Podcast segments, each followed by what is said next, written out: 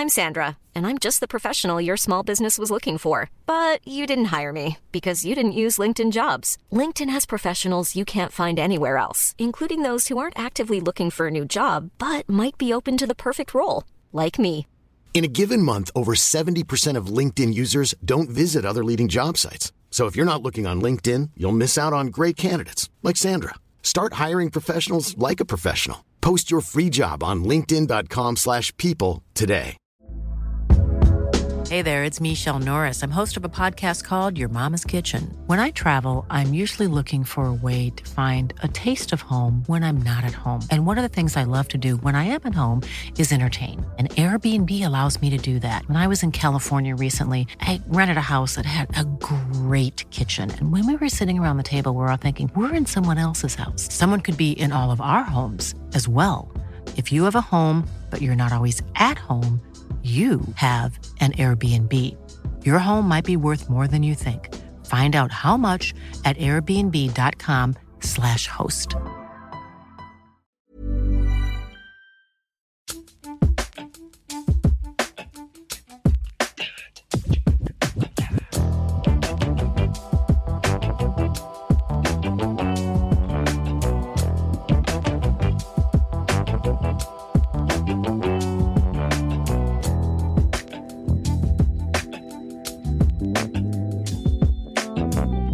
Precis på vägen hit var det en, jag åkte i en rulltrappa Mm. och så var det en människa som jag bara känner, alltså jag känner typ flåset i nacken Mm. och vänder mig om och så jag bara bro, avstånd. Och då är det typ en, alltså som jag inbillar mig att så personer ser ut om de går enskilda gymnasiet. Ja. Exakt, alltså jag behöver inte säga något mer eller Var hur? det en jacka som kunde bekosta en undersköterskas lön? Ja. De Ja. älskar dyra Nej, jackor allt, ju. framför allt som jag brukar säga Ja. så såg ju jackan ut som hans pappas jacka. Ja, I alla fall så, pappi. då fick jag, då tog han sig ton. Men Britta, eh, men det här börjar gå åt helvete. Men alltså man bara, vi- jag, alltså jag, jag, tänk, jag har tänkt på det, för som tur var i situationen så var det som att jag bara, jag, jag ville inte ens vara vänd åt ditt håll för du står Mm. så nära. Mm. Så att jag bara vände mig om och gick. Mm. För att jag bara, det här var så äckligt. Men så det blev ju en sån perfekt reaktion på hans typ, att han gav mig attityd. så du, men du kan så vara nöjd här- med hur du hämtade hem det. Nej men alltså nöjd är man väl aldrig. Man sitter och tänker på olika coola comebacks. Men grejen är, han bara, läser du tidningarna din jävla idiotunge? Går du enskilda gymnasiet? Det här Ja, borde men- du ha sagt! Eh, Nej, första frågan. Går du enskilda gymnasiet? Går du? Vänta inte på svar. Nej. Två, läser du någonsin en fucking tidning? Ja.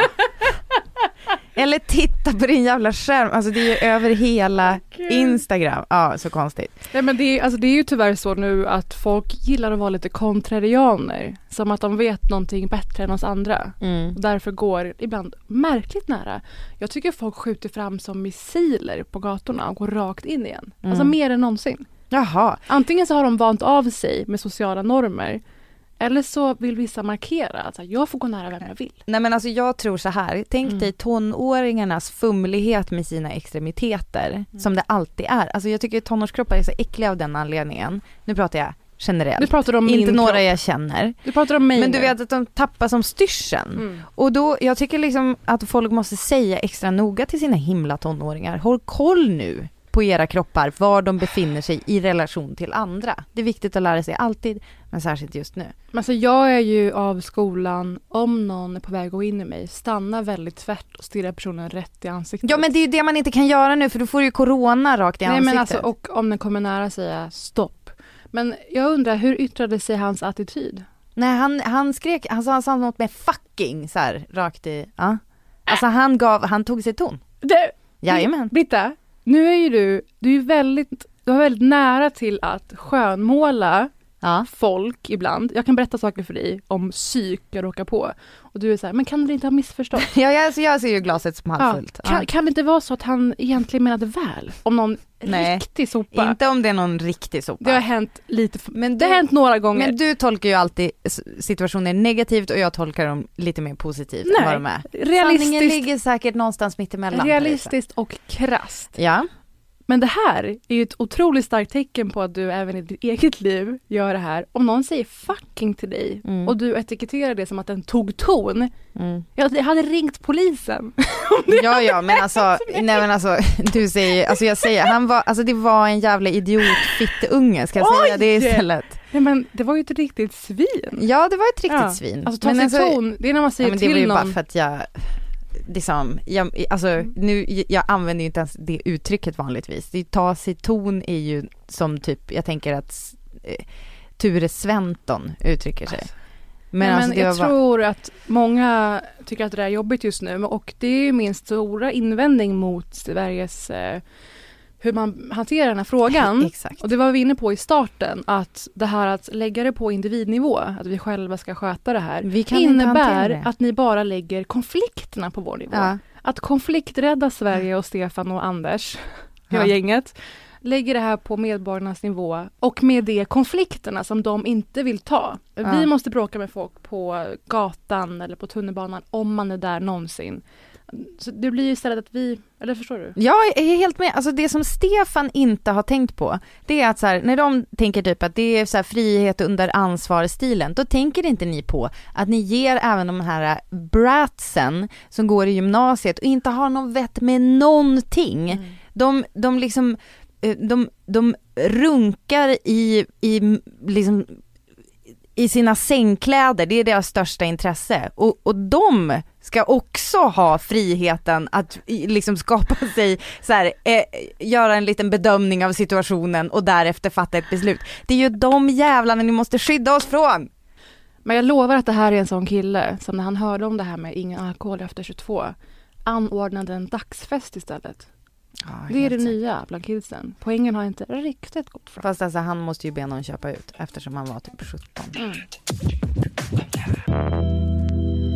Men Musikhjälpen? Ja men Musikhjälpen då? Det har också hänt den här veckan. Ja det hände. Eh, det, ja vad ska vi säga om det då? Respons god. Ja. Ja. Hade Eh. du förväntat dig det eller hade du varje timmes tankar också? Nej men jag tänkte, nu- ja men det är ju såklart att det är folk som är sura att det inte är typ eh, Sara Larsson som leder Musikhjälpen men nej det vet jag inte om någon Mm. är. Men jag tänker att eh, det är faktiskt jag blir lite trött på att höra mig själv säga det här för att jag Mm. gjorde det under en hel pressdag när man då träffar lite olika medier och så försöker man variera sitt svar men det blir ändå typ samma innebörd för att man Absolut. har inte, du kan inte uppfinna hjulet hur många gånger som helst. Jag har bara det här att säga om det och det så här. Jag tycker att det är svinkul att det blir av, Mm. att vi kommer få den grejen för jag tycker att Musikhjälpen är så här som en liten eh, julklappsöppning av typ olika så här musikaliska presenter Mm. som oftast liksom aldrig händer någon annanstans. Och sen så är det ju roligt för mig bara överhuvudtaget att ha ett jobb under corona. Mm. Och så det tycker jag folk kan samlas kring, rejoice. Eh, och sen så är det, känns det svinkul att få, jag tror att det kommer vara jättemycket så här överraskningar inne i buren. Jag tror Mm. att just för att det inte blir på ett torg som det brukar vara så tror jag att produktionen nästan viker sig dubbla för att maxa underhållningen. Mm. Ja men absolut, det vi har snackat om att det här ställer ju nya ramar och nya utmaningar och ur det föds många kreativa lösningar. Mm. Men du leder det med, Farah Abadi och Felix Sandman. och vi har ju haft eh, Felix Sandman på tal förut i podden. Nej men Parisa, du får inte ta upp det. Boys with emotions.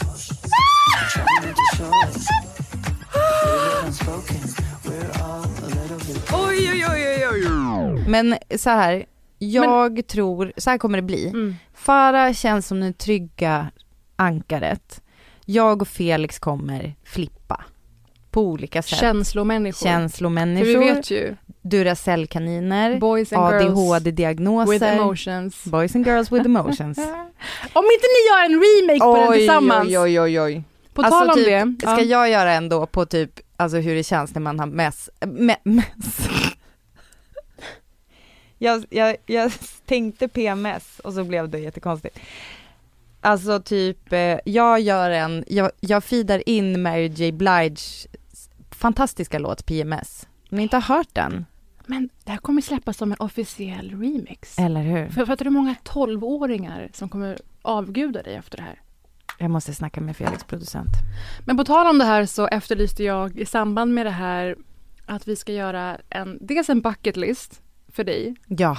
I Musikhjälpen. Så man kan följa lite som när man gör ett bingo för en galakväll eller sådär. Ja, alltså 100 procent. Ja. Varför kallar du inte för bingo Jo, bara? jag kom på det nu. Alltså så får alla, ni, alltså lyssnarna kan sitta hemma och sen kryssa av så här när Britta Zackari tar ton, alltså tar ton som i sång. Mm. När Britta Zackari brister ut i så- sång, då Ja. får man kryssa. Eller? När Britta grinar, när Britta har brandtal. När Britta Om blir Britta- rörd av ett barn som har liksom tillverkat något. Britta tvingar sig in i folks aktioner. Ja men jag kan också vara med, jag kan, jag kan göra det här. Ja men hej Schyffert och Nor, kul att ni är här. Eh, jag kan också vara med bakom. Är det typiskt mig? Ja men det skulle vara kul. För det här ska ju dels reflektera saker som brukar hända i Musikhjälpen i stort. Mm. Men också vad som skulle kunna hända dig. Och då är det Just kul det. med några, några wild ones. Mm. Eh, och jag har redan fått in ganska många roliga. Mm. Och vissa är ju nästan som utmaningar för dig. Jag tycker Ja. du ska se det så. Jag, du ska jag bocka av absolut dem. se det så. För någon skrev Britta ska rappa. Alltså, Du har ja. rappat i podden. Har jag? Nej, men i det här Biancas abortavsnittet, som det inte hette. Det är inte den officiella titeln på avsnittet. Då sa jag here we go again. Och då började du direkt herregud. dra lyrics. Men det var väl inte en rap, det var ju Stacka Bo. Det räknas väl Han aldrig. tycker nog att det är en rap. Ja, det tycker ingen annan. Okej, men WAP måste det rappas till. Och det roliga är ju att eh, vi kommer ju kunna se dig när musik spelas i radio. Mm. Men du filmas av. Där Mm. du antagligen, det här går rakt in, Mm. dansar like no one's watching. Mm. Det ska bli så jävla kul. Men vet du, ska jag säga, jag, jag har redan tänkt på det här för jag hoppas att jag kan dansa like no one's watching, för Mm. vet du vad som är värre än det? Ja, bry sig. Att dansa så att man bryr sig Ja. och dansa, alltså jag gjorde faktiskt exakt den här dansen för Kalle igår, för att jag bara, tänk, vet du vad det kommer vara så här? Felix Sandman kommer få feeling och dansa Han är gammal Felix dansare. Sandman, ja men då kommer han liksom dansa. Ja. Men och så kommer jag, och så ser man lite i bakgrunden, står jag och bara försöker så här, kanske lite med axlarna, försöker vara lite så här obrydd fast ändå dansa. Det är den Mm. värsta. Och Nej, jag men- är skyldig till den ofta. Alltså överlag bry är ju väldigt genant. Ja. Ja. Tyvärr. Ja, precis. Jag Vad- hoppas att jag kan göra mer Ja. som att ingen ser mig Mm. och, och då kommer det bli bra. Det som kommer vara, vara jobbigt att titta på kommer vara när jag är för medveten om kameror och sånt där. Mm. Är det Men- som en dokusåpa? Men jag kom på ytterligare saker. Vad är din värsta, vad är värsta scenariot? Eh, värsta scenariot är... Nej, Jag, jag blev lite stressad för Farah berättade om en grej att det kom in en gäst i studion som hon inte vet vem det är och så är det någon jättekänd. Mm. Alltså det var Niklas Lidström, typ någon jätte så här känd hockeyspelare som hon absolut, alltså hon bara vem, för det kom tre killar och så Aha. står det ju så här Niklas Lidström och hon bara vem av er är det? Och det var typ som att säga att så här, vem av, vem av er är eh, Mariah Carey Okej. i liksom en, en grupp. Eh, och, eh, men den, då, då pratade vi liksom om det, att sådana situationer kommer det vara, för att man kan inte veta typ alla kända människor i hela Sverige. Mm, jag har en eh, liknande situation. Ja, Men som finns jag- på internet. Men det var på en tid när jag fortfarande var, jag var ju väldigt mycket svårare när jag var yngre än vad Mhm. jag är nu. Och som tycker att jag är svår nu. Alltså ni har ingen aning. Men vad betyder svår? Alltså Eh, typ inte dryg koll på... och avstängd. Vill Okej. inte veta av typ kommersiella breda saker och folklighet och sådär. Ja, Eh, och i detta så skulle vi intervjua Ed Sheeran i Jaha. P3. ja. Och jag gjorde en grej av att, nej, jag vet inte vem den här jäveln är. Kolla på den här Medan du pratade med honom. Nu en av världens största artister och jag visste inte vem han var, Det betedde mig måste- väldigt mycket som så. Och eh, det stod så mycket folk utanför studion Ja. att jag först efteråt googlade och var så här, jaha. Så Men det är drygt. också lite, ah, det är som lite, hans kändisskap bygger ju, alltså det, är- han är ju väldigt, så här, han är ju dock en person som så jävla inte har star quality i sitt utseende. Mm. Så att det kan ju verkligen inte vara första gången. Men det är också kul att du bara, noll snygg, Ja. vet inte vem det är, alltså bryr jag mig inte. Nej, du kunde inte sagt, muster up ett intresse. 2014, jag var 23 år gammal. Ehm, men temat Mm. känns ju, alltså handen i handsken för Ja, dig. det är helt sjukt. Och det var också... Eh, det, det är ingen människa ska lämnas utan vård. Mm. Eh, och eh, det som är grejen med Musikhjälpen är ju att man jobbar eh, internationellt. Så det är ju till Radiohjälpen som ger pengar till, de är experter på att fatta exakt vad det behövs. Ehm, och, men jag hoppas att det är ett bra ämne att ha ett sånt här år när vi själva liksom har blivit ganska påminda om Mm. Hu- hur fan blir det för oss om det här nä- skyddsnätet inte finns? Mm. För att många har ju liksom blivit uppskrämda med det. Än så länge så vet jag inte om det är någon som har typ fått kalla handen från vården för att platserna var fulla. Men det är ju någonting som vi hela tiden får rapporter om. Hur Mm. många ligger det på intensivvård? Och så här. Och Folk skickas hem fast Ja. de mår skit. Ja. Vissa har gått bort i sina hem på grund av detta. Folk eh, är ute i korridorerna på grund av platsbrist. Och det här är bara i Sverige. ja, Tänk då i Ja, alltså fattigare länder. ja, och där man inte ens har eh, skratt, det lät som att jag Vårdcentral. skrattade nu. Alltså jag är bara Ja, baffled över att det ser ut som det gör. Jag såg att eh, Jeff Bezos sk- skänker cirka 700 miljoner dollar idag till något eh, klimatändamål. Mhm. Och absolut, klimatet eh, Mm. skördar också väldigt många liv och väldigt många livsvillkor, mat och annat. Mhm. Men man känner ju att du har ju lite mer pengar också Jeff. Ja, Och alltså Bill Gates gör en podd med Rashida Jones, vår kompis, ja. ish. En skådis vi gillar. Och man känner kul och bra att du satsar så mycket kör. på information. Men kan inte Bill Gates bara strössla loss de här techpengarna över alla de här länderna som inte har tillgång Mm. till basal vård ens. Eh, Alltså det går inte att prata om respiratorer. Vi pratar om vanlig förkylnings och febervård. Men det där är en sån här grej som Alltså, jag också har sett effekterna av. Eh, jag var ju i Mauretanien en resa med en hjälporganisation. Jag har ju varit på Lesbos. Att bara se så här hur snabbt människor tar, tas ifrån sin värdighet när det är väldigt grundläggande grejer som inte finns. Men att det inte ens finns typ vaccin. Eh, nu, alltså att eh, man inte går till vårdcentralen med sina barn så att man vet inte att de är undernärda. Mm. Alltså sådana grejer som är ganska, som får förödande konsekvenser om det går för långt, men som är också väldigt lätt att fixa. Mm. Eh, det är ju så frustrerande.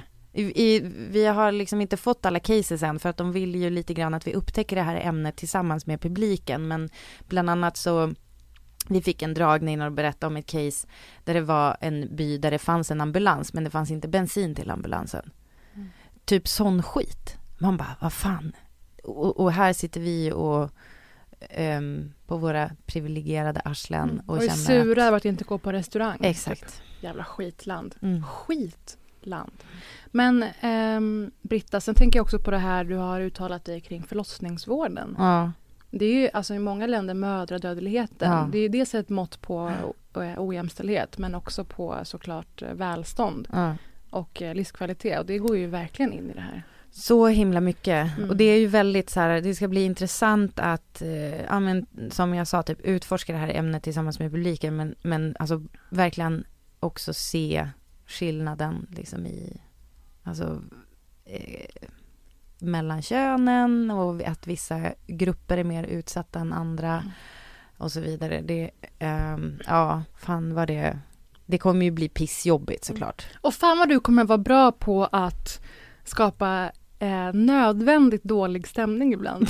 Om det är någon artist där inne som bara, vi alltid energier, alltid, alltså som bara är, lever i någon jävla bubbla, då kommer du vara så bra på att så här, dra tillbaka det till någon vettig punkt känner jag. Det ska bli skitkul. Ja men vad vad bra, hoppas. Hoppas att jag och pallar det också trots att man bara får flytande föda. Men- Hoa. Det är en sån relik! Och det sa vi ju sist också med Kalle. Det där lever ju kvar från det, norr- Det nederländska formatet Ja, va? det är så konstigt. Det har Och det, är typ, det var typ längre. två DJs som skulle samla ihop pengar mot svält eller Mm. något. Och då var det just på grund av att det var svält. Ja, men nu har det ingen relevans, men ändå håller Det kommer vi bli fast det så här. tajt bara. Det blir bara soppor. Men vet du vad Felix Sandman frågade? Vet du vad Felix Sandman frågade? Får man ta smoothie? Får man dricka O'boy? Det är sånt här bonusmaterial vi älskar dig för. Det kommer mer.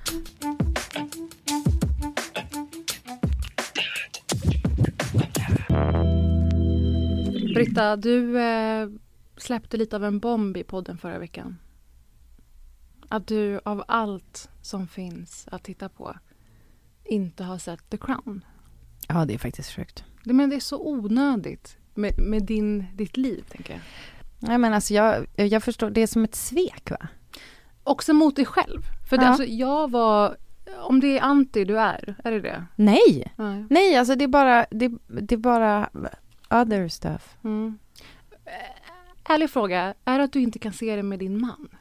Eh, alltså till 110 procent. Nej men. Men vet du vad, okej ska jag säga ärligt vad som Mm. har hänt? Jag eh, ser om I may destroy you tillsammans med honom. För Jaha. att jag tycker det är så viktigt att han ser den. Fan nu gick Kalle från minus till plus så fort! Mm.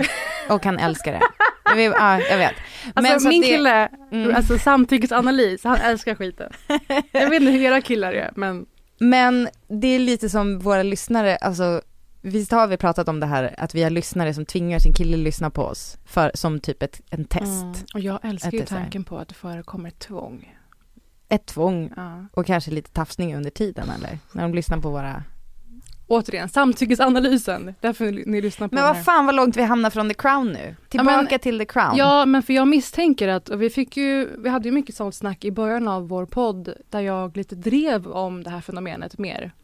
Att man märker att kvinnor gör avkall på sina intressen eller det de kanske är sugna på att kolla på eh, för att de i större utsträckning anpassar sig till vad, sin, vad ens kille vill kolla på. Mm. Ja, och Men det tror jag är en realitet och jag tror Ja. också i de fall som par tittar på saker tillsammans Mm. så tror jag att liksom eh, eftersom vi kvinnor är skapade för att skapa god stämning. Mm. Nej men alltså vi är mood managers. Då, vi kommer inte sitta och lida oss igenom någon serie som vi vet att typ den inte kommer fastna hos en snubbe. Nej men och att de i större utsträckning har den auktoriteten eller mandatet i hemmet. Och det, alltså jag märker Mm, också nej, det via det tror- mina kompisar som, jag, som får filmtips från podden. Att de smsar sen och skriver, men kommer X gilla den? Eh, det skiter jag dels i. Alltså du kan ju kolla själv för det Ja. första. Och eh, de kollar ju uppenbarligen på saker som de inte har valt men bara för att inte vara den som är jobbig. Att, så här, kan vi inte kolla på det här istället? Men alltså jag tror också att par till 100% delar in serier i serier jag tittar på ensam och serier jag tittar på med min partner. Mm. Och sen så finns det vissa fall när man bara, nej den här är för bra för att titta på ensam. Mm. Då tittar jag på den tillsammans med min partner. Men ska jag vara riktigt bjussig och berätta för dig Mm. att var jag tittar på, till exempel andningsrummet som jag började kolla på nu, Mhm. kände mig tvungen. Eh, den tittade jag ju på medan jag vek tvätt. Mm. Ironin... Alltså din, ditt ansiktsuttryck nu. Det var, plå, det var ett plågat sådant. Sorgen. Ja. Nej men jag förstod, jag förstod Är. ironin och jag skrattade lite åt mig Mm, själv. Bra. Mm. Men det var väl det, det lilla som Mm. krävdes i Mm. den situationen. Nej men alltså ibland är verkligheten typ bättre än fiktionen. Mm. Men The Crown då, jag var tveksam ska jag säga när första säsongen kom. För jag trodde att det var bara ett polerat verk kring kungahuset och vilka fina middagar de har och vilka fina klänningar. Ingenting tilltalar mig mindre än det jag precis sa. Mm. Dock älskar jag ju god ambiance. Allt du sa tilltalade mig men fortsätt. Ja, men jag tycker om de sakerna när de bidrar till stämning och att bygga världar. Då är det jätteviktigt. Eh, och det har The Crown lyckats med. Alltså det är som ett universum man kliver in i och det är så jävla bra drama. Mm. De har tagit korn ur historien. Och återigen, finns det något härligare om man är en person som är besatt av att allt man gör ska vara uppbyggligt eller kunna användas på ett bra sätt i livet. Att sitta med sin iPad uppe samtidigt och Wikipedia olika personer. Älskar. Mm. För mig är det underbart att få både historielektionen, alltså häpnadsväckande detaljer som kanske min generation, eller många inte vet om, och som har hänt, Ja. som utgår från Storbritannien. Men jag Ehm, tror också- Och skandaler. Alltså, ja men förlåt alltså, att jag bryter in här men jag Mm. tror också även fast man Även fast man upp, har upplevt det Mm. eller liksom kan historien så är det ju vissa saker som, ja men typ eh, nu drar jag en parallell som kanske är långsökt, verkar långsökt, men så här, min morsa fick en blixt genom sig när jag, innan jag föddes. Mhm. Eh, hon överlevde liksom ett blixtnedslag och hela tiden jag vuxit upp så är det bara så här, min mamma fick en blixt genom sig och för, sen när jag blev vuxen Mm. och bara fuck, hur fan, hur var det för pappa att se henne så här skjuta iväg genom köket och alla lampor sprängs. Han måste liksom gå på krossat glas för att komma fram till henne. Typ den situationen har jag inte tänkt på för att jag hade inte empatin och jag hade inte kapaciteten och det var liksom bara en sanning. Och så tror jag lite grann, för att dra tillbaka det här då till The Crown, nej men att vissa historier kan man ju bara, men så här hur var det för, Mm.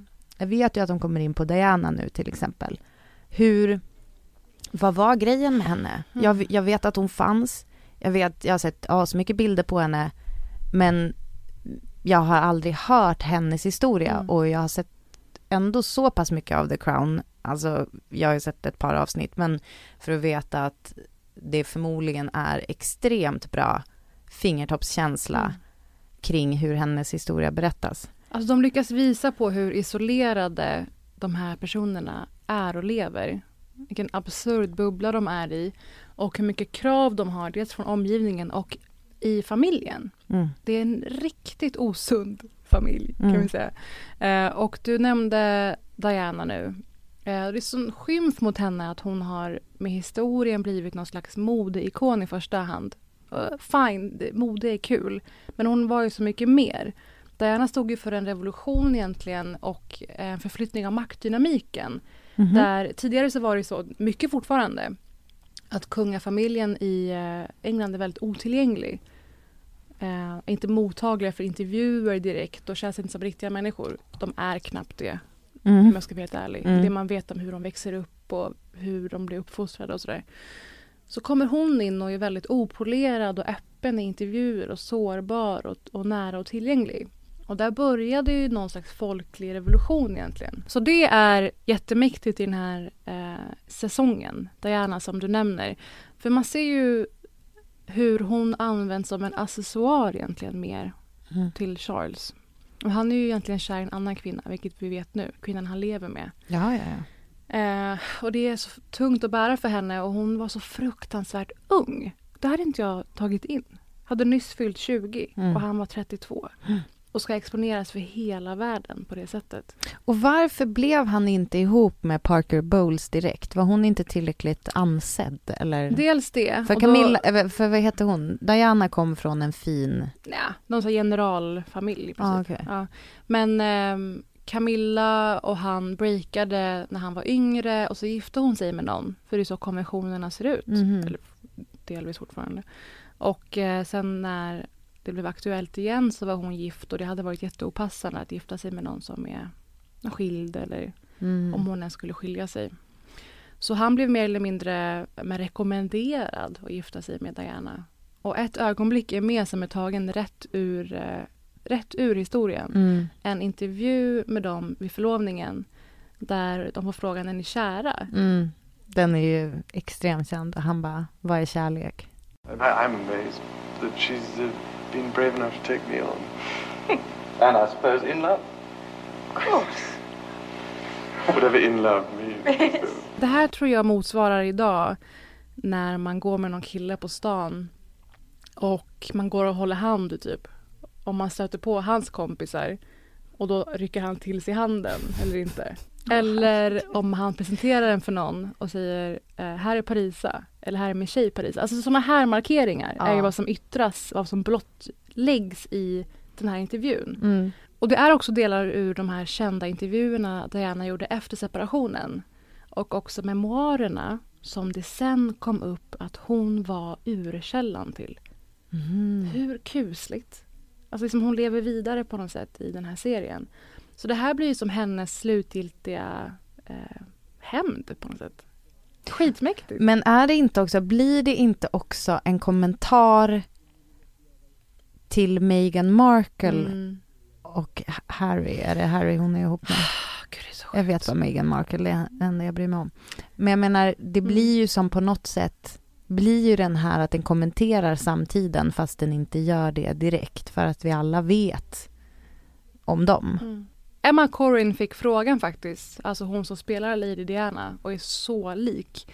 Hon fick frågan, vad skulle du göra om du sprang in i med William och Harry på en fest till exempel? Hon säger, jag skulle bara gå därifrån. Mm. Jag skulle, vara för, jag skulle inte vilja utsätta dem för den påminnelsen eller den. Alltså det, Alltså menar, menar de då för barn. att hon är så pass lik? nej, för det som de tar upp Ja. i säsongen. Ja, det är okej. så otroligt smärtsamt. Mm. Och vad jag menar med att det här blir som Dianas hämnd är som att, och det, på det här sättet så är The Crown nästan som en trojansk häst. Att de har vaggats in i off- breda offentligheten. Serien är jättepopulär, en av de mest påkostade i världen. Och det är, Mm. alltså jag vill också liksom att vi också lyfter för om man absolut inte har sett en enda ruta så Mm. är det ju, det är ju få saker som är så här påkostade nu för tiden.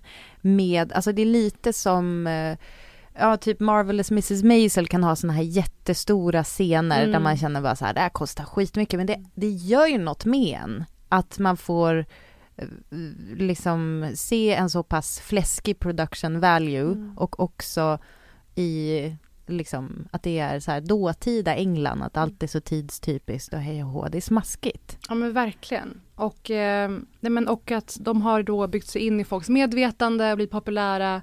Tre säsonger som vissa har menat på skönmålar kungligheterna, varit irriterade för det. Dock tycker jag att de visat ganska tydligt hur hemskt det här var för Princess Margaret, alltså drottningens syster. Är det som spelas av Helena Bonham Numera. Carter? Ja.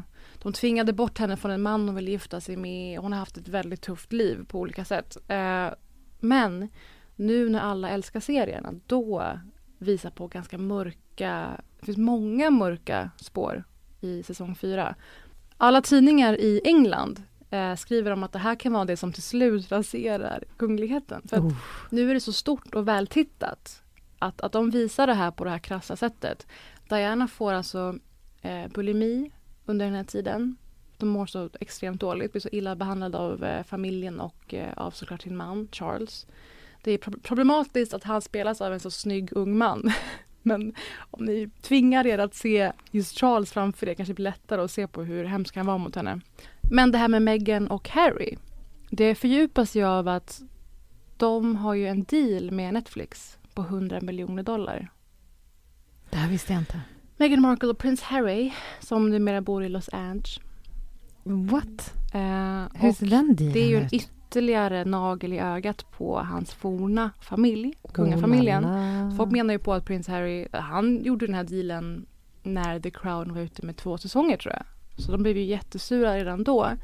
Och nu ser man ju det som att han har valt sida på något sätt. För han har ju såklart tagit avstånd från familjen delvis på grund av erfarenheterna kring hur hans mamma behandlades Mm. och efterspelet efter allt det. Så det är en parallell händelse nu i samtiden.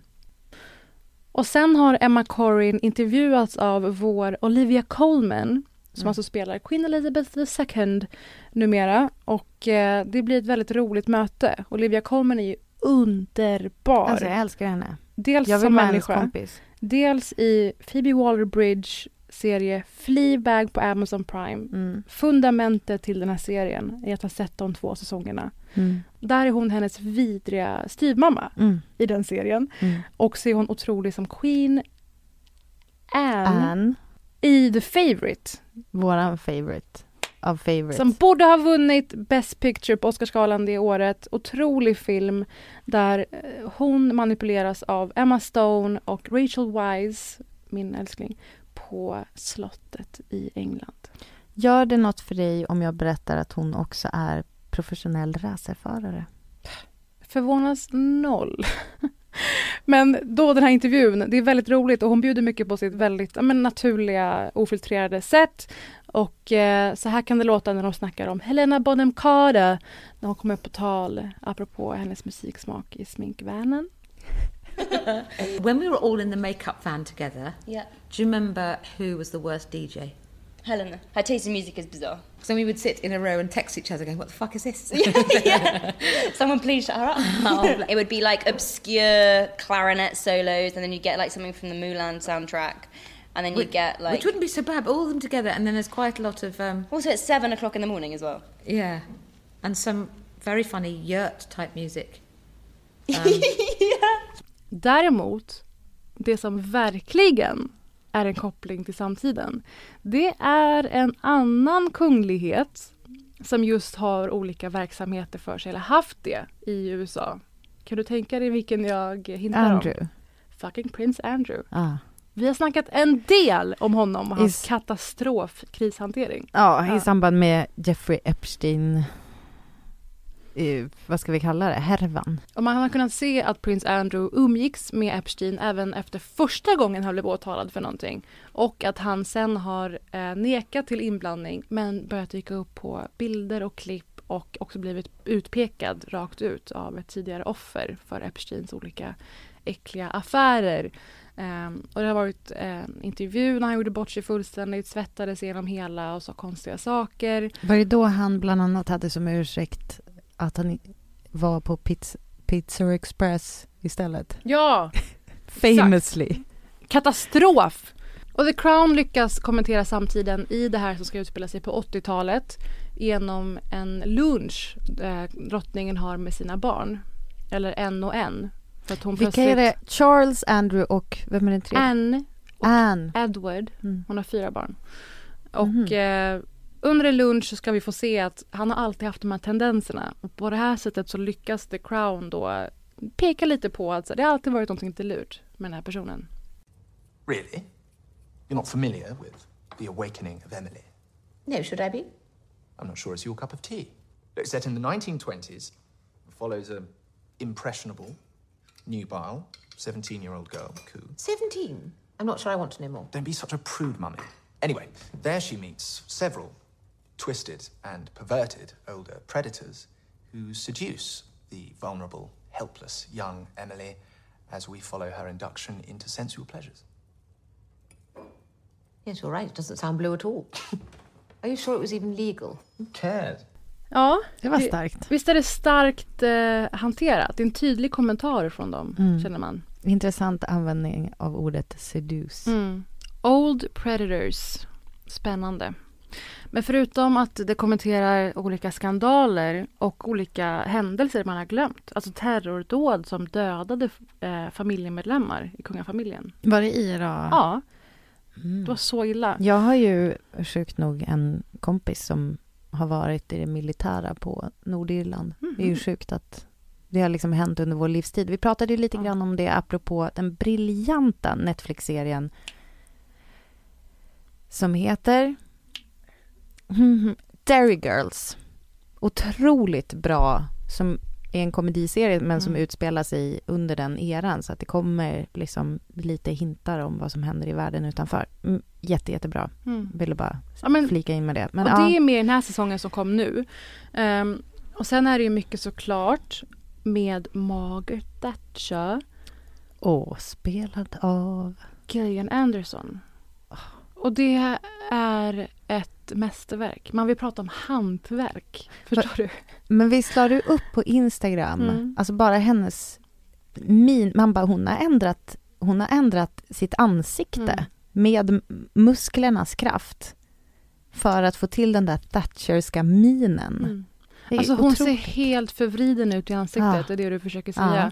Alltså mimiken eh, och hon beskriver i en intervju i BBC som jag lyssnade på i veckan på eh, Screen Time hur hon ändrade hela sitt kroppsspråk. Mm.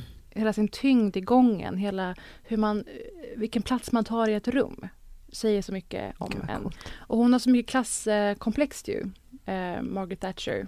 Och tagit sig upp i Tory. Typiskt sån uppväxt att man växer upp ganska påvert och kämpar sig upp och då tycker att man själv har gjort en sån klassresa. Att alla, Eftersom alla jag har gjort göra det, det. så kan väl alla skärpa sig. Klipp till eh, misär i England, om Mm. ni inte vet det, 80-talet. Fruktansvärt tufft och jag älskar hur The Crown ehm, förkroppsligar det lidandet med olika personer som tar sig in. En tar sig in i eh, palatset för att få prata med eh, Queen Elizabeth för att han är så jävla desperat och utsatt av samhället.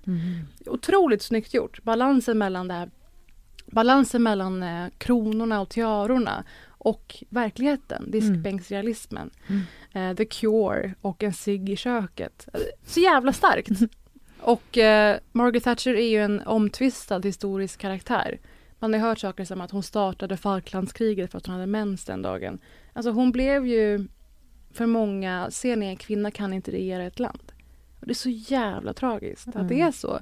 Och jag tycker att Gillian Anderson gör ett bättre jobb än eh, Mer- Meryl Streep gjorde i Iron Lady. det säger jag inte lätt. Det säger jag inte lätt. Jag har ingen relation, men Alltså, jag förstår vad det kan innebära. Meryl Streep, Meryl Streep gestaltade då Margaret Thatcher i Järnladyn. Och det är ju bra men det är halvparodiskt och ganska endimensionellt tycker jag, porträtt. Gillian Anderson däremot, hon visar verkligen på att eh, Margaret Thatcher är komplexfylld. Hon är ganska, det finns, måste, det finns ganska mycket dråpliga incidenter, cringe-incidenter och sånt. Hon Mhm. försöker passa in i en överklass hon inte har någon rätt till. Och vad det väcker i henne då.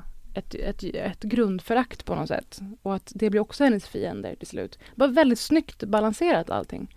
Så det, ja, det här är inte bara ett tips utan bara en allmän jag vill bara vara lite tankeväckande kring eran och historien och att den faktiskt upprepar sig och att The Crown lyckas både tända den där äh, Wikipedia-kittlar-genen men också såklart om man tar en titt på maktdynamik och ledare och Mm. samhällsskeenden egentligen. Mm.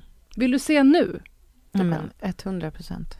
Hoppa till... Alltså, nej. Jag är ju för pliktskyldig för att säga hoppa till säsong fyra.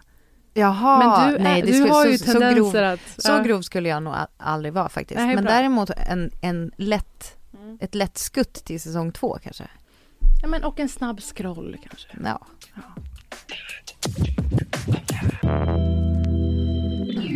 Jag vill kolla med dig om du har koll på vad Tina Fey håller på med nu. Just detta nu. Mm.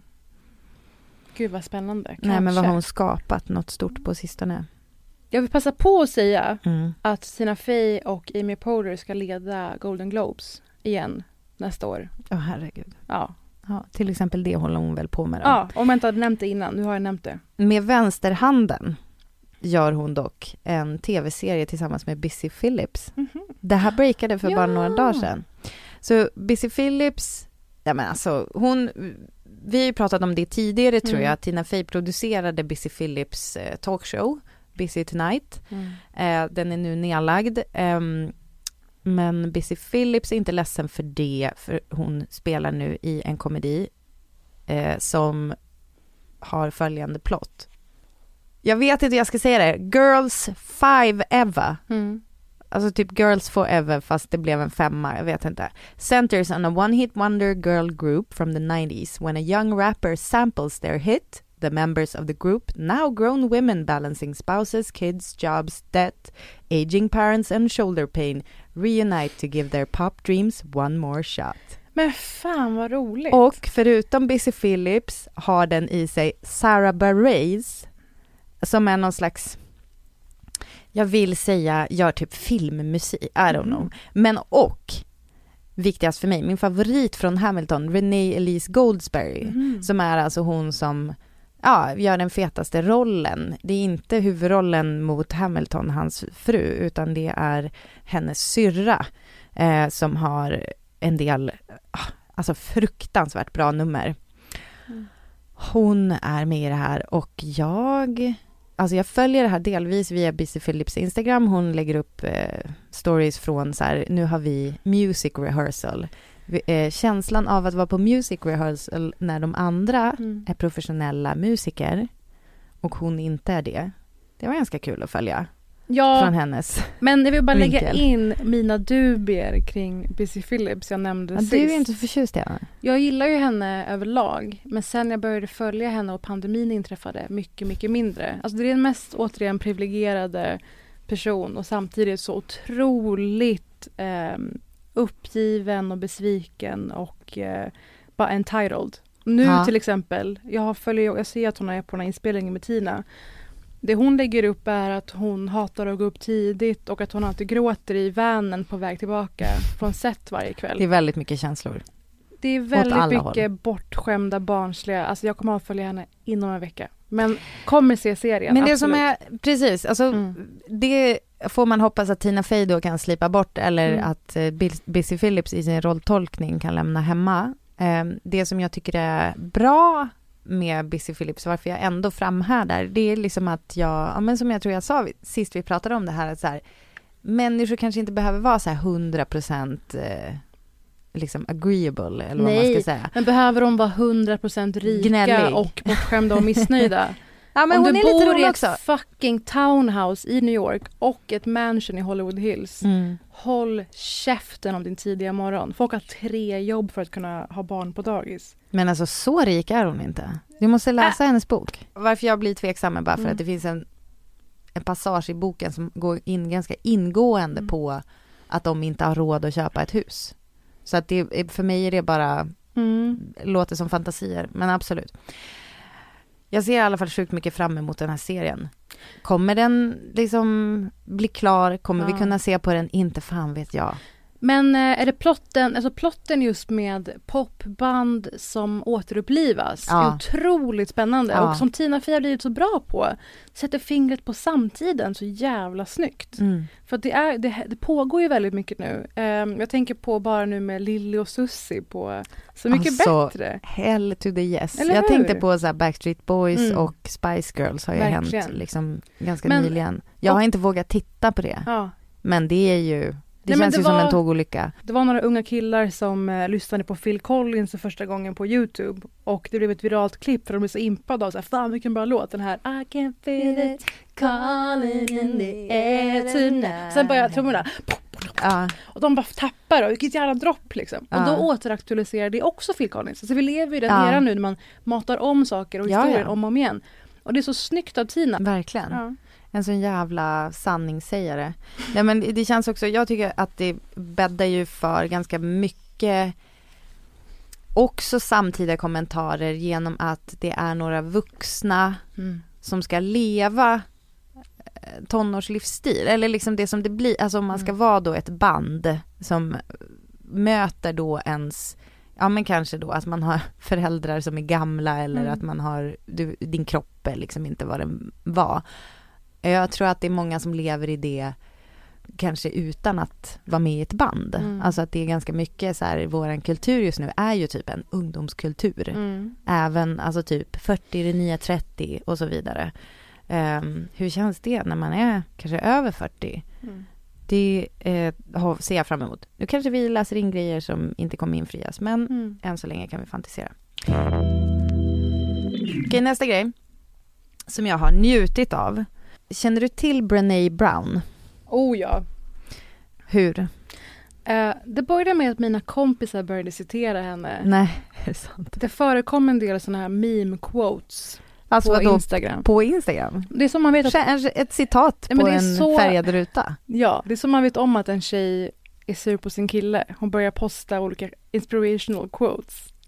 Oj, bra spaning, bra spaning.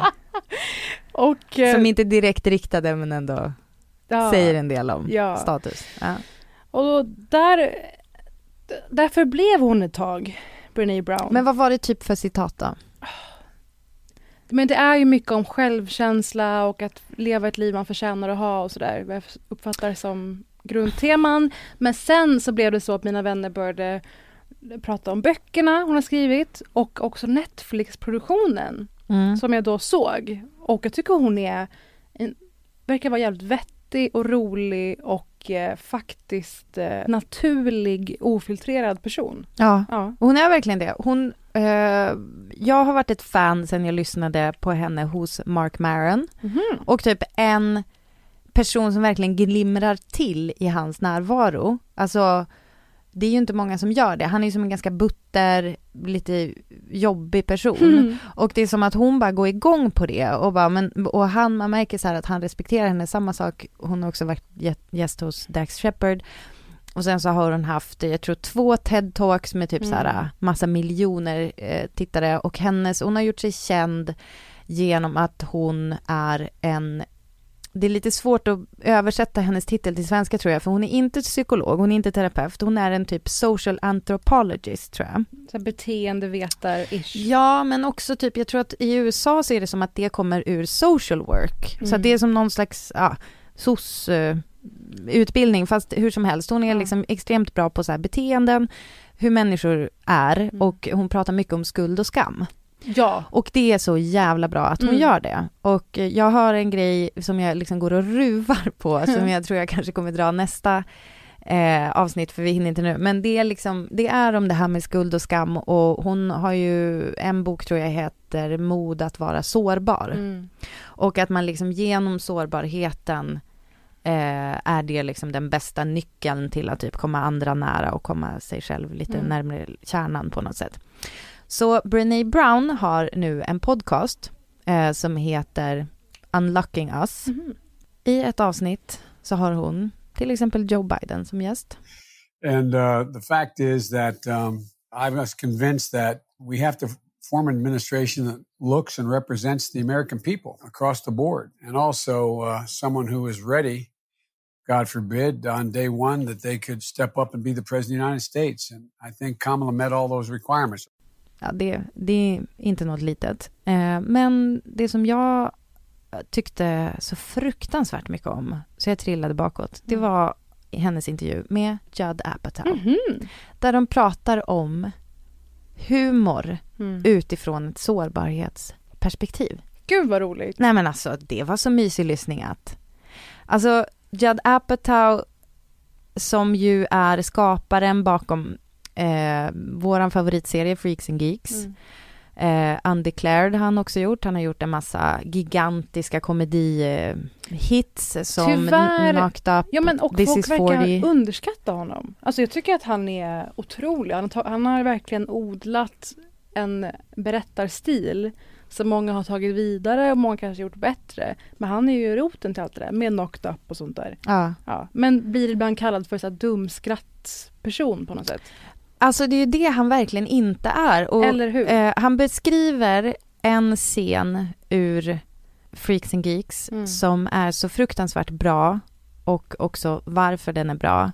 Och jag tycker att det ringer in väldigt mycket av det som är Judd Apatows storhet. There's a scene in Freaks and Geeks where Bill is at a game of spin the bottle. And he feels unattractive to the girls. They're playing with all the pretty girls. And they start playing another game, Seven Minutes in Heaven, where like you have to go in the closet with somebody. And they spin the bottle, and now the prettiest cheerleader has to spend seven minutes in a closet with Bill, and she really doesn't want to it's painful to see the look in her eyes at having to do this. And they go in the closet and it's dark. So they start talking and she's so pissed to be there. And he's really shy and sweet. And they just start talking a little bit and he makes her laugh. And in the dark, it actually like makes me cry talking about it. I know, I know the Uh, scene.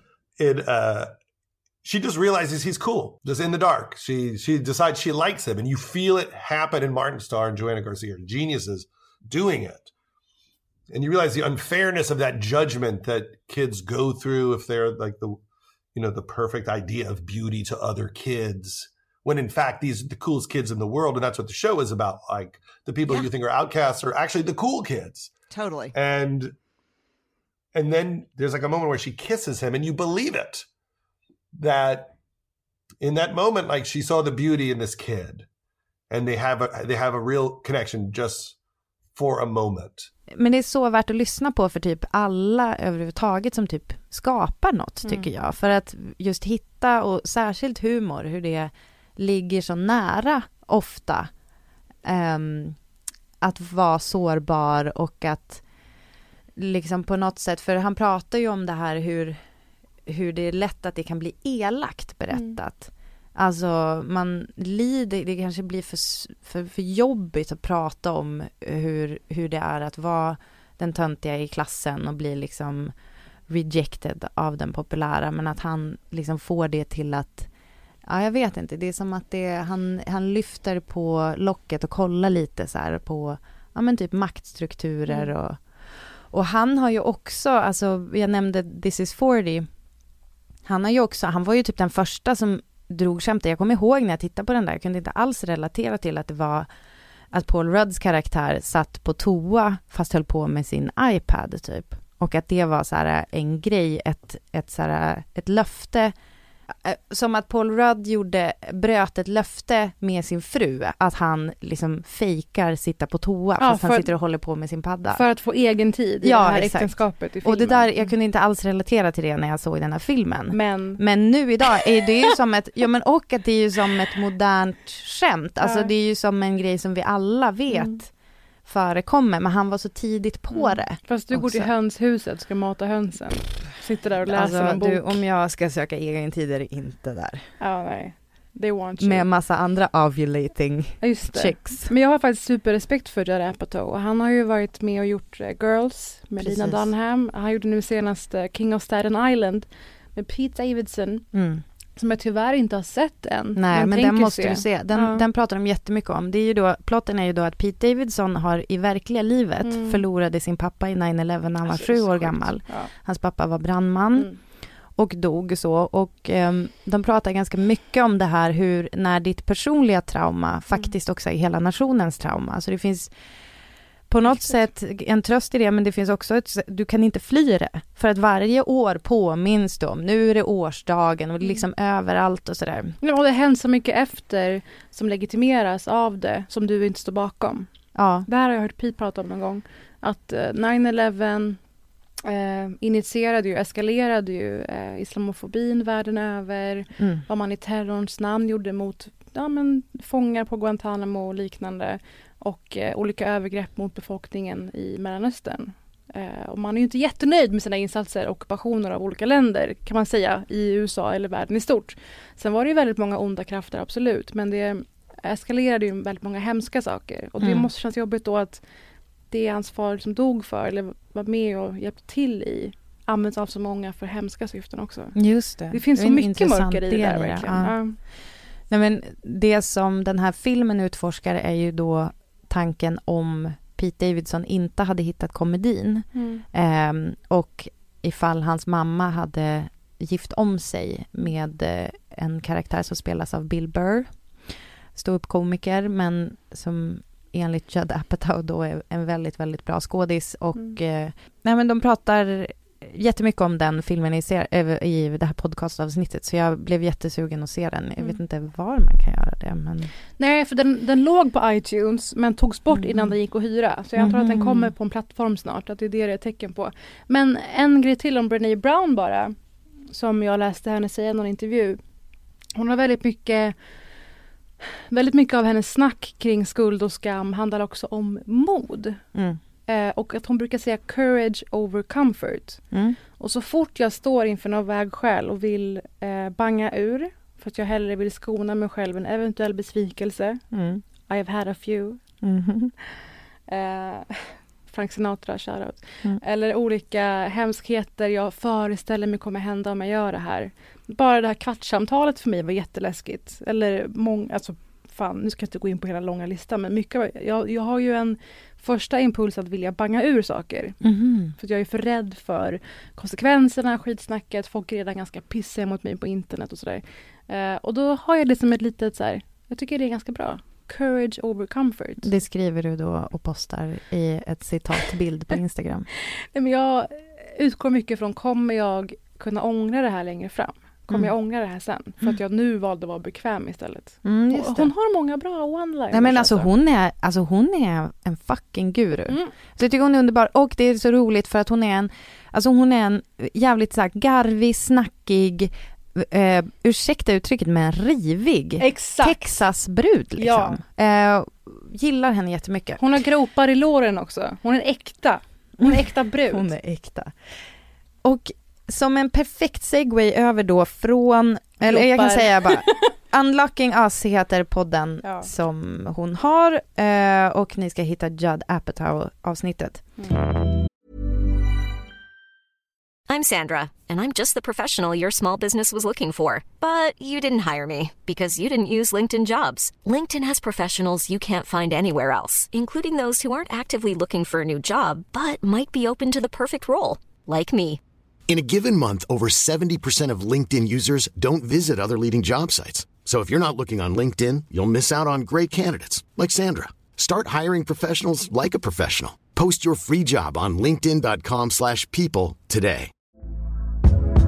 Hey there, it's Michelle Norris. I'm host of a podcast called Your Mama's Kitchen. When I travel, I'm usually looking for a way to find a taste of home when I'm not at home. And one of the things I love to do when I am at home is entertain. And Airbnb allows me to do that. When I was in California recently, I rented a house that had a great kitchen. And when we were sitting around the table, we we're all thinking, we're in someone else's house. Someone could be in all of our homes as well.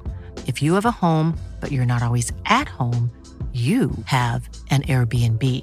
Your home might be worth more than you think. Find out how much at airbnb.com/slash host.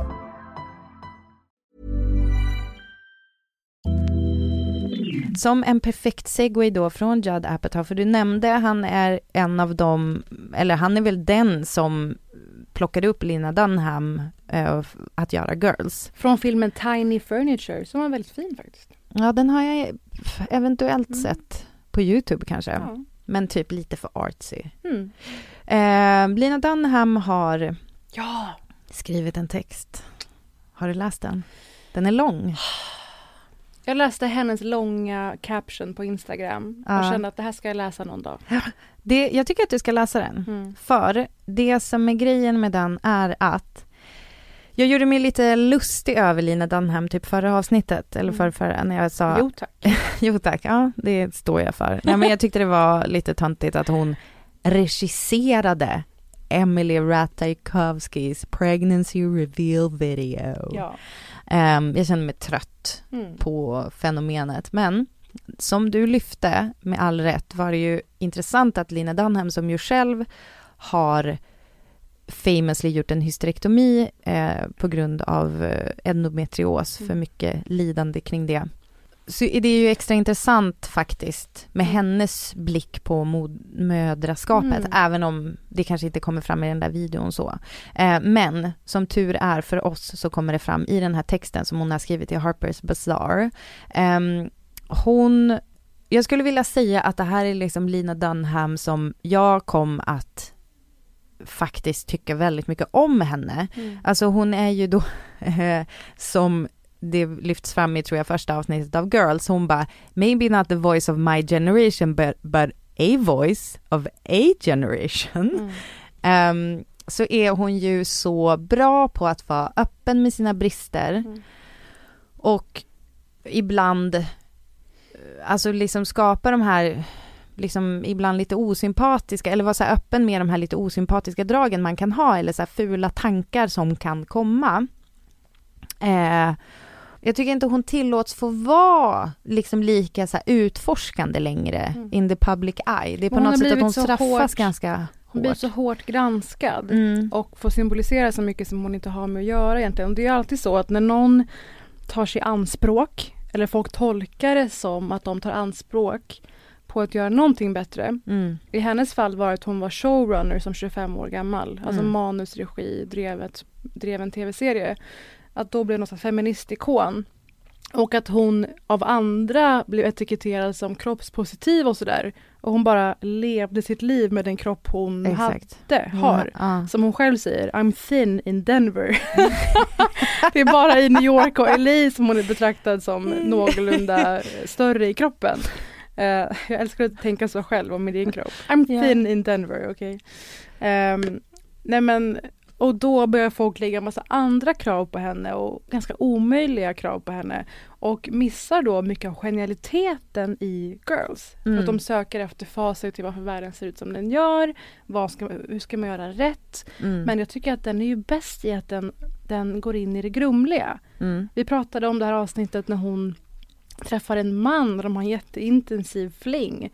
Och alla var besatta av att han var så mycket snyggare än henne. Mm. Det hade aldrig hänt i verkligheten. Alltså folk är så begränsade. Fast hon var typ mycket, mycket yngre än honom Men folk är så begränsade i sin världsuppfattning. Eller det här avsnittet, hennes otroliga metoo-avsnitt. Där hon i serien går hem till en manlig mm. författare mm. just för att prata om hans skeva åsikter och porträtteringar. Och så märker man hur det kryper fram en dynamik dem emellan som är så perfekt balanserad och porträtterar verkligen hur, hur grumligt och svårt det mm. där är. Den där vet du vad jag tänker på? relationen. Alltså vet du vad jag tänker på nu när du säger det där, som, alltså från en annan sanningssägare som är lite mer pop populär nu, men eh, alltså Michaela Coels eh, i, alltså Praise. kommentar, ja, Ja. precis, som har skapat I May Destroy You. Mm. När hennes karaktär Arabella säger i ett sammanhang, jag, tänker inte säga vilket för att spoila för mycket, men Mm. hon bara, när det är grumliga situationer så har vi inte garden uppe. När, är, när man är, jag, jag kan inte, jag parafraserar nu, men det är liksom, det går ut på att när det är otydliga situationer så är det inte heller tydligt när vi ska säga stopp. Mm. Ehm, när det är, om det är ett tydligt övergrepp så är det lätt, alltså lättare, jag säger inte att det är lätt, men liksom att då vet man i alla fall att så här, oj, här var min gräns. Mm. Men när det är i det där grumliga mittemellan vattnet, där är där det är då man famlar efter orden, man vet inte riktigt när ska jag, ska jag inte, ska jag, ska jag inte och det är det som liksom vissa då predators typ vet att utnyttja. Så jävla intressant snack. Vem var det som sa det som du citerade? Att förövare ehm, tror inte att de har fått ett ja. De utnyttjar frånvaron av ett icke uttalat nej. Oj. Eller så var det jag. Ja, det kan ha varit du som sa det. För om vi bara ska säga vad det som är eh, grumligt med henne faktiskt, så är ju det hennes, hon är så blind inför intersektionalitet. Mm, alltså hon är är hon. inte rasist, men att hon porträtterar ett New York utan eh, rasifierade människor naturligt med Mm. i de här miljöerna. Och hur hon porträtterar de få eh, personer of color som är med i Mm. serien. Det är väl Don- också det, Donald ja. Glover, min, min kompis. Nej men alltså geniet. Ja men min kompis, Mm. Donald Glover. Alltså vi har ju hängt, vi har haft en utekväll. Det är ingen grej, vi drack whisky, släppte. Han i alla fall var ju med och då var han med just för att han var svart. Och hans historia, storyline i serien handlade om just att han är svart. Att han var svart och republikan och att det inte gick ihop för Lina. Vilket är en rolig idé. Men så här, gör den om du också har personer som är svarta och det är inte ens Som får, kommenterat vara, som med. får vara en person. Med massa sidor liksom. Ja. Så där är ju Linas eh, blinda fläck kan man säga. Jag tycker att det hon gör bra i Girls är också att hon har ett otroligt bra öga för just det som jag tror att hon gör sig själv skyldig till ganska mycket, Mm. nämligen white privilege. Mm. Eh, alltså eh, en, en spoiled brat eh, stil liksom som i Girls Marnie väldigt mycket får eh, spela. Verkligen. Alltså att det är liksom, alltså typ så här nästan stampa i golvet och säga jag vill också. Det är liksom, den grejen är väldigt eh, bra och det är det jag tycker på något sätt visar så om vi ska eh, landa i den här texten som jag Mm. tycker är så pass läsvärd eh, i Harper's Bazaar. Den börjar så här, the moment I lost my fertility I started searching for a baby. Och så, så pratar hon om hur hon på grund av endometrios var tvungen att göra den här hysterektomin, ta bort sin livmoder Mm. eh, och samtidigt, och kanske lite då på grund av det här med att spela svårfångad alltid funkar, att när hon blev liksom fråntagen möjligheten så blev hon helt besatt Mm. av viljan att. Bedbound and tending to the five small laparoscopic holes in my abdomen, I scrolled through adoption website as if they were furniture outlets. If I could no longer grow a baby in my womb, I could at least get one elsewhere and fast. Mm. But there were a few obstacles. Some of the sites seemed too Christian to want me, others too back alley for me to want them. Plus, I could barely move and I was tapering off opioids, so how was I going to handle a six week trip to some foreign country to collect the child that I did not doubt was my God given right? Mm. I wasn't delusional enough to think that made sense, but wasn't there some kind of delivery service? When my family and friends told me to slow down, I insisted that they didn't understand. Worse yet, they were being ableist and old fashioned. What were five holes in my stomach and a Vicodin habit 20 milligrams deep? Michael Jackson dangled his baby from a hotel ba- balcony for everyone to see, and he got to keep it. Who was going to question me? Alltså det, jag tycker att det, du hör ju att det är liksom hennes, både hennes otroliga Signatur. Mm. s- humor, Mm. men också att ringa in de här små situationerna och bjussigheten. Nej, men och att det alltid handlar om imperfections. Hon är ärlig med sina privilegier och eh, hur bisarr vår livsstil är, hur löjliga ens tankegångar är. Ja, men hon Alltså, låter oss ja. skratta åt den. Åt oss det. själva också lite. Ja. Och sen så följer texten en... en, det är som en resa genom de delar av internet där du och jag kanske inte vistas så mycket, alltså Mm. IVF-grupper, eh, där hon liksom genom olika hashtags på Instagram hamnar djupare och djupare i eh, kulturer som finns, alltså hur man, det finns en väldigt liksom stöttande kultur i folk som går igenom sina IVF-försök, men samtidigt så förstår man också, vilket hon också ringar in, att i samma ögonblick som någon skulle råka bli gravid, så är det ju också på något sätt det största sveket liksom, Mm. i den där gruppen, även fast det är det alla vill. Um, en, också en ganska, jag vet inte om jag använder ordet dråplig rätt, men, det finns också en em, väldigt speciell kultur med typ real dolls. Eh, och jag ska läsa en bit om det.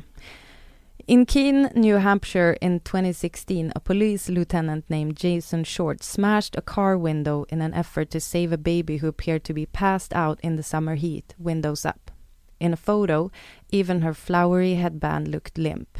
When the lieutenant attempted CPR, Short told the Washington Post, I went to put my finger in its mouth and it was all resistance. And I'm like, this is a doll. Mm. The doll, whose name was Ainsley, belonged to a woman who had lost her son a decade earlier. Ainsley was one of 40 siblings. Mm. Du har liksom komiskt och jättemörkt Gud, på samma gång. Men det här hade ju varit ett Kobra-avsnitt om det fortfarande fanns. Att undersöka den här subkulturen som det Ja. lite är, lite sektaktiga eh, runt om i världen och vad det är för tröst de söker egentligen. Och samtidigt som det också är, alltså den här texten som är, alltså den är lång men så här, Mm. ja, tar det mer än en halvtimme att läsa, gör det inte. Så Men jag ge ju- er själva den presenten. Ja. A few weeks after I found out that I would never become a biological mother, I started lactating. Mm. It was light at first, leaving subtle wet circles on my shirts, the milk as, as thin and pale as a spider web. When my breast began to ache, Scotty, en kompis till henne, came over to show me how to express the milk into a mug. It wasn't much, but when it squirted, I felt, felt massive relief, as if a pimple had burst. The doctor didn't seem as alarmed by this incident as I was, not by the health implications or the poetic ones either. Mm. And so I woke up every day for a month and pulled at my breast like it was rising dough, wiping away the streaky tobacco infused beverage intended for no one. Åh herregud vad starkt. Jag att... Ja, Hon är otrolig. Men du har läst hennes bok va? Ja, men den är inte Mm. så här bra. Vissa delar är ju väldigt bra. Nej, men den är inte så här bra. Nej, men vissa delar är väldigt bra. Och jag älskar när hon är sån här. Att Men alltså hon eh, är ju, det är ju som att hon skrev ju den Mm. för länge sedan också. Mm. Alltså det är ändå några år sedan. Kom den ut 2016? Det, har ju, det var ju lite beställningsjobb också. Där känns det som att det hon berättar nu, det finns roten till hennes berättande nu kommer ur ren nödvändighet. Mm. Det blir oftast bäst. Eh, saker man kanske har legat och marinerat vaken på nätterna och sådär. Men De plus att hon har tankarna. mognat. Alltså Mm. Jag tror så här, för jag, jag har liksom en grej på det här, att jag tror att även om så här, vårt samhälle är så oförlåtande mot människor som gör liksom någon typ av fel just nu. Mm. Ibland med all rätt. Alltså så här, det är inte okej om du köper sex eller det är inte okej om du utnyttjar folk eller är rasist. Mm. Men det finns också sådana saker som Lina Dunham då har liksom gjort sig, sig skyldig till är väl kanske ändå så här på lite bara, ja hon är ju ändå en av de goda, även om hon gör bort sig inom det. Det är någonting med, med att jag tror att hon på, på något sätt, alltså så här för att slutföra min tanke då, när, alltså de personerna som då orkar igenom det, att det inte bara försvinner från jordens yta, utan lär sig något av det, eh, växer igenom det och så vidare, då kan det uppenbarligen bli ganska bra. Alltså om hon kan, det känns som att hon har liksom använt det på rätt sätt på något sätt. Hon har vuxit med det här. Mm. Eh, och eh, det är en väldigt rörande text. Den är, den är så fruktansvärt ärlig, stundtals väldigt rolig, vilket ju är liksom min favorittyp, apropå Judd Apatow. Liksom. Mm. Saker som känns som man ändå får skratta åt Mm. ibland. Och den säger väldigt mycket om vår tid och om det här heliga jävla mödraskapet som på något sätt är så här, vissa eh, känner som en mänsklig rättighet att ha barn. Mm. Och... Nästan eh, på ett konsumistiskt sätt. Ja. Ägandeskap. Mm. Där ringer du in det bra. Eller förlängning av ens identitet. Liksom. Ja.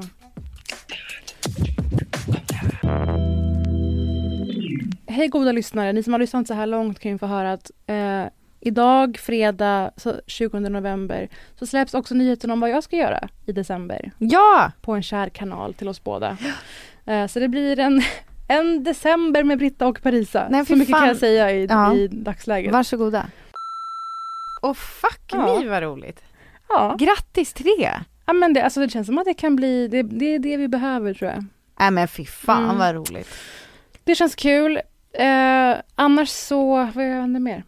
Annars så kollar jag på The Mandalorian. Mm, det är jag med. Läser Zadie Smith och Seinfeld och lite olika Fan roliga vad sjukt. böcker. Jag läser också Sadie Smith, alltså Mm. hennes eh, pandemi eh, Intima-. Intimations. Mm. Otrolig. Gud vad intressant. Så mer snack Jag om är- eh, det nästa vecka. Jag är också besatt av Sadie Smith för det är så kul att hon liksom lämnade USA i någon Mm. slags affekt känns det som. Att hon bara fuck this shit typ. Mina barn kan inte växa upp här. Mm. Jag, jag, jag har ju faktiskt, alltså Sadie Smith är typ en av mina första alltså, litterära förälskelser Mm. när jag läste White Teeth när jag var a, a need baby. Jag tror jag hade den som läsuppgift i ettan på gymnasiet.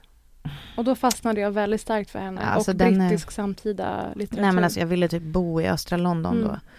Eh, och hon är otrolig och hon har ju faktiskt också det här, alltså hon är ju en otroligt, tycker att hon är liksom, ursäkta mig, en av de stora tänkarna vi har. Men det är det, man gillar ju henne nästan mer i det offentliga samtalet. När hon är i en stor intervju i New York Times och pratar om vad hon tycker om saker. Alltså jag kan lyssna och läsa henne i sånt i evigheter. Och sen dessutom att kunna skriva skönlitteratur på det. Det är Mm. ju som två olika spår för mig. Mm. Det är i alla fall kul. Ehm, vad, vad tittar du på? Nej men jag började kolla på amningsrummet mest för att jag kände att jag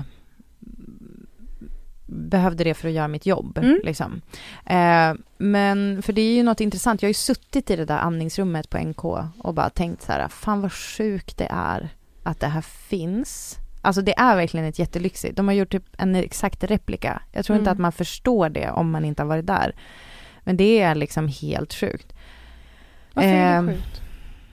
Tycker att det är, eh, alltså det lyfter de ju fram i serien, att det är ju mest för att ha en ursäkt att säga att de, man inte får sitta och amma i restaurangerna i resten av huset. Nej men det gör folk. Nej men... Jag har eh, varit på, ja. jag är ju, alltså Britta, Mm. jag är ju uppvuxen på NK mer eller mindre. Och har många vänner som alltid vill hänga där. Och det ammas friskt. Jag tror att det Ja. där är snarare om du vill kunna göra det i lugn och ro utan Ja. diverse gubbars blickar. Ja, nej, Så men det är alltså, jag som tycker att det är underbart. Ja, så det är som att det är på något sätt det in- internaliserade, eller det här lite mer du får, Ja. men fan vad obehagligt det är. För det är så mycket äldre män och äldre damer som kollar snett på dig. Ja. På något sätt. Alltså, det, det där amningsrummet känns som den bästa push present jag hade kunnat få faktiskt. Mm. Att ha någonstans centralt i stan där jag kan gå på toa, där jag kan byta blöja på mitt barn och också sitta och amma i lugn och ro i hur jävla länge jag vill. Mm. Helt underbart. Jag har suttit och lyssnat på goda podcasts då och då. Kommer du vilja se klart? Eh, jag, jag tycker att Liv Mjöne spelar en väldigt överdriven karaktär, vilket är synd, för det är väldigt intressant. Hon är den här eh, människan som hänger runt folk som har barn och som är, alltså som själv är, obs, inte så ung som du. Eh, Men det är och- jag. Nej, men det är inte det. Nej, men du, alltså jag vet, jag du har så anar, något, jag du ser, så, det ser jag generar lite över munnen. Nej, någonting. nej, alltså jag tar in din reaktion. Jag, alltså det, det, jag tycker det är så sjukt att du känner dig som, för du är ju du är för ung. Men, Men, fortsätt, den här personen, personer runt barn Liv som... Mjönes är 42 eller någonting Mm. och eh, liksom överväger att skaffa barn med ett gaypar typ. Och den, Mm. Jag tycker liksom att den personen är intressant men hon spelar den som en tonåring Mm. vilket känns synd. Eh, det känns som att man hade kunnat berätta något mycket viktigare där. Blir det lite ofrivilligt parodiskt? Ja men typ. säga? Ja. lite. Synd! Men vi får se vad vi hinner se och läsa och tycka om olika saker till nästa vecka. Men tack för den här veckan. Vi ses igen nästa vecka. Och då blir det lite mer eh, citat-tombola. Ska du få gissa. Vet du vad som händer nästa vecka? Det är vårt hundrade avsnitt. Men jag vet Britta, det är jättestressande. Det är stressande men ehm, vi kan bara säga det snabbt att, men ni fattar ju det. Men på Mm. grund av pandemi så är alla typer av filning inställt. Mm. Och det har vi vetat i några veckor så att det Mm. har liksom inte ens varit någon idé. Men vi blir ju inte direkt ledsna om ni typ eh, grattar oss på vår födelsedag. Nästa vecka alltså. Näst, nu är det avsnitt 99, Ja. nästa 100. Det blir mäktigt. Mm, det blir mäktigt. Ja, men tack för att ni lyssnar. Vi finns på Britta och Parisa på Instagram. Det gör vi. Ha det gott! Ha det gott!